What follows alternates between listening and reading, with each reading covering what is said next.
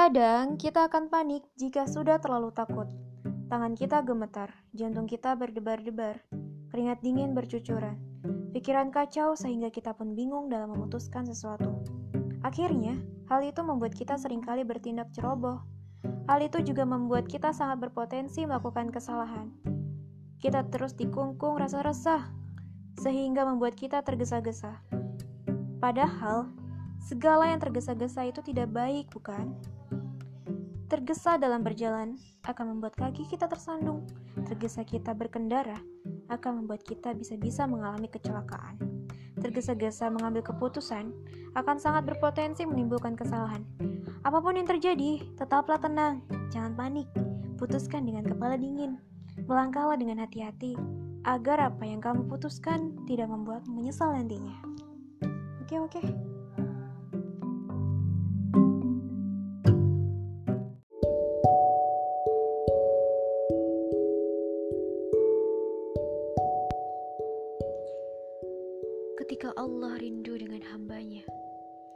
Allah akan berikan ujian yang mungkin akan menampar pipinya.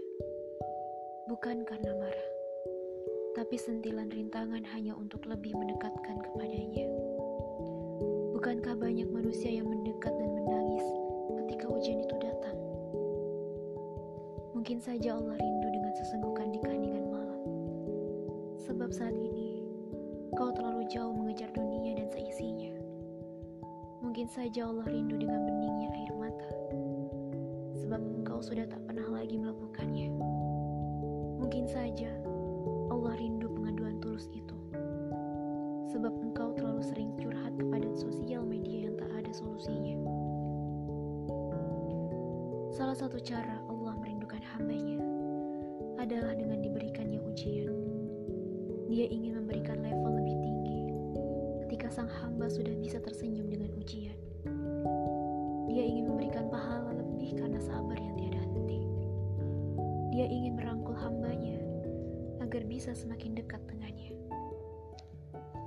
Bukankah ketika tak ada lagi orang yang mendengarkan, selalu ada Allah yang setia mendengar? Allah Maha Mendengar.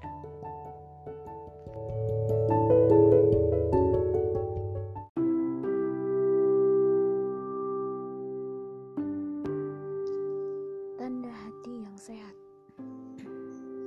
Merindu jika tidak diolah, ditata dengan baik, dan mengikut sertakan Allah di dalamnya, maka akan menjadikan hati tersiksa dan sakit. Hati yang terjangkiti virus, sehingga menjadikan kita merana, gelisah dan galau. Kalau sudah seperti itu, maka segera diobati. Jika dibiarkan saja, maka akan berakibat fatal. Hadis Rasulullah, ingatlah bahwa di dalam jasad itu ada segumpal daging. Jika ia baik, maka baik pula seluruh jasad. Jika ia rusak, maka rusak pula seluruh jasad. Ketahuilah bahwa ia adalah hati. Hadis riwayat Bukhari nomor 52 dan Muslim nomor 1599. Hadis Rasulullah mengajarkan kepada kita untuk memperbaiki dan senantiasa menjaga hati karena akan memberikan dampak yang buruk bagi diri kita jika terkotori dan dibiarkan terjangkit virus dan beragam penyakit hati. Hasilnya apa? Akan membinasakan kita. Untuk itu, marilah kita kenali apa kesehatan hati dan melihat kadar rasa takutnya kepada Allah.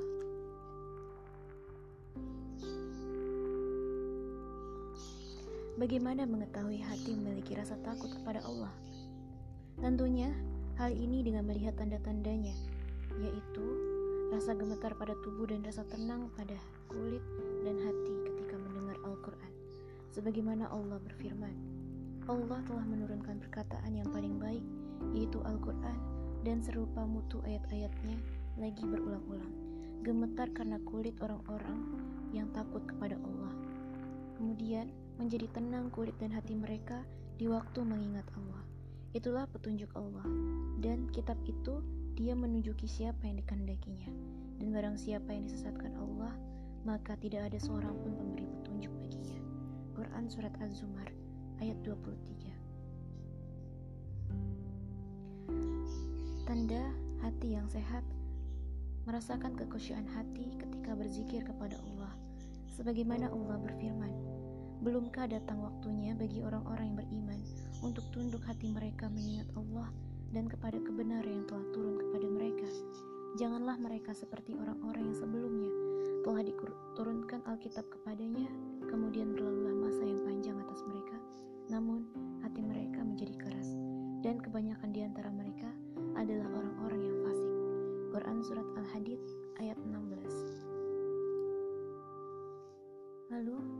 mendengarkan kebenaran dan tunduk kepadanya. Ini bagian dari hati yang sehat. Sebagaimana Allah berfirman di Quran Surat Al-Hajj ayat 54 dan agar orang-orang yang telah diberi ilmu meyakini bahwasanya Al-Quran itulah hak dari Tuhanmu lalu mereka beriman dan tunduk hati mereka kepadanya dan sesungguhnya Allah adalah pemberi petunjuk bagi orang-orang yang beriman kepada jalan yang lurus. Lalu, tanda hati yang sehat. Selalu kembali bertaubat kepada Allah sebagaimana Allah berfirman di Quran surat Qaf ayat 33 yaitu orang yang takut kepada Tuhan yang maha pemurah sedang dia tidak kelihatan olehnya dan dia datang dengan hati yang bertobat Insyaallah semoga teman-teman uh, bisa mengambil pelajaran ini dan ini dikhususkan untuk diri sendiri Kasiran.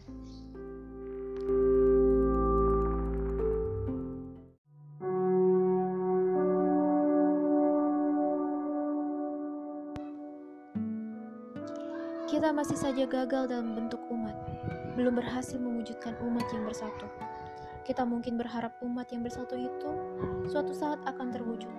Sayangnya, umat itu tidak akan pernah datang dengan sendirinya. Ketika kita gagal membangunnya, maka umat yang bersatu juga tidak akan terwujud. Dalam terang narasi femininitas, maka kita dapat melihat bahwa kegagalan kita dalam membentuk umat disebabkan pendekatan kita yang terlalu maskulin. Memang, maskulinitas kita telah mampu membuat gerakan, mendirikan yayasan, membentuk jamaah, mengelola perusahaan dan perkumpulan, tapi kita masih tidak mampu membangun umat. Banyak orang yang mampu menyusun visi, misi, master plan, rancangan rencana jangka panjang dan pendek, juga bisa mendesain ADART dan dengan mudah membangun organisasi. Namun dalam pembentukan ummah, kita lebih membutuhkan femininitas daripada maskulinitas. Kata ummah satu akar dengan kata umum, yang berarti ibu. Oleh karena itu, yang bisa membantu bangun ummah adalah orang yang punya karakter feminin, yaitu imam. Imam adalah umul ummah, ibunya umat. Kita telah menghasilkan banyak amir, leader, komandan, tetapi kita gagal membentuk imam. Imam adalah laki-laki yang memimpin dalam kerangka pendekatan feminin dengan pendekatan atas cinta, kasih sayang, empati, kepedulian, feeling, perasaan, nurani, keikhlasan, dan ketulusan. Ki Hajar Dewantara menggambarkan dengan sangat indah konsep iman dengan tiga kalimat semboyan, yaitu Ingar Sosung Tulodo, Ing Madio Mangunkarso, Tuturi Handayani. Seorang imam adalah dia yang ketika di depan memberi keteladanan, di saat tengah membangun inisiatif, dan ketika di belakang memberikan motivasi. Dewasa ini, kita semakin membutuhkan manusia berkualitas imam untuk menegakkan umat. Gambaran ini juga menunjukkan dibutuhkannya feminitas dalam diri seorang imam.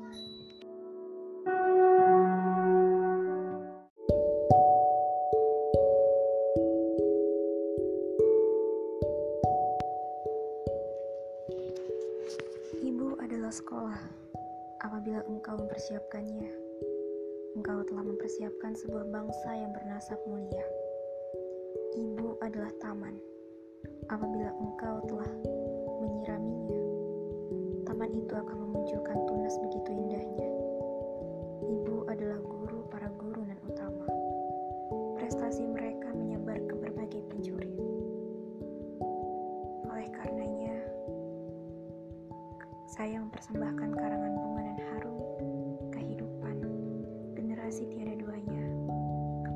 saudari muslimah yang beriman kepada Allah dan hari akhir agar mendampingi kisah perjalanan hidup dan semerbak yang mewangi dengan hati juga mengenali teladan baik yang keharumannya menyebar mereka memunculkan fajar Islam. Keagungan Islam terangkat tinggi karena mereka. Kekuatan Islam menjadi kokoh karena. Segala kemuliaan Islam menyebar dari mereka. Dan tonggak-tonggak Islam berdiri kokoh. Seperti itulah figur seorang ibu di masa kejayaan Islam dan di masa Rasulullah.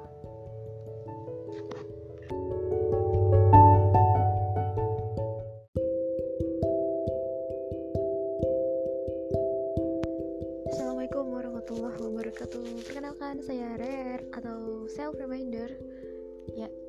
Ini uh, tentang penyakit hati bagi perempuan itu apa aja sih ya? Sebenarnya ya, kalau perempuan itu kan memang makhluk yang perasa.